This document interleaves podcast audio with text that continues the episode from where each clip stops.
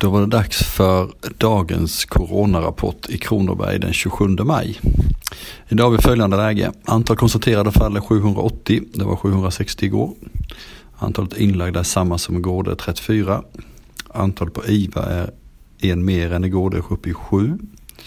Antalet avlidna är 63, det var 60 igår. Det är tre stycken äldre utanför sjukhus rapporterade avlidna. Läget fortsatt stabilt. Antal patienter på IVA går lite upp och ner just nu men ligger ändå runt 6 till 7 de sista dagarna. Eh, vi är fortfarande spända på hur utvecklingen ser ut framåt. Läget ska enligt prognosen stabiliseras nu och inte fortsätta öka. Eh, gällande inneliggande och IVA då. Eh, utvecklingen nu styrs mycket av våra invånare och hur vi kan hålla nere smittspridningen. I regionen har vi ju varit ansvariga för coronatester för priogrupp 1 och 2, det vill säga patienter och personal inom sjukvård och omsorg.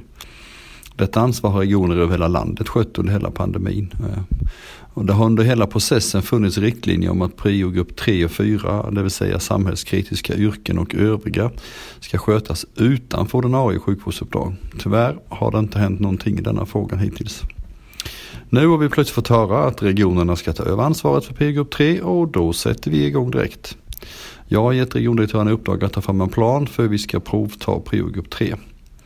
Nu kommer Jon Kronoberg att ta fram riktlinjer för vilka som ska provtas och vem som ska göra denna bedömning. Samtidigt så behöver regeringen hitta andra aktörer som kan hjälpa till att sköta provtagning, analysering och uppföljning. Där kan det vara kommunerna som hjälper oss eller till exempel företagshälsovården. Det är också stort administrativt arbete att beställa tider, analyser, eh, ringa och meddela provsvar och så vidare. Eh, vi kommer att ta tag i uppgiften så snabbt som möjligt men vi räknar självklart med att vi här ska få full kostnadstäckning när vi tar över statens uppgifter. Men eh, vi får väl se hur det blir med det. Ta hand om er, tvätta händerna och tänk på att man kan fika med avstånd också. Tack för ikväll.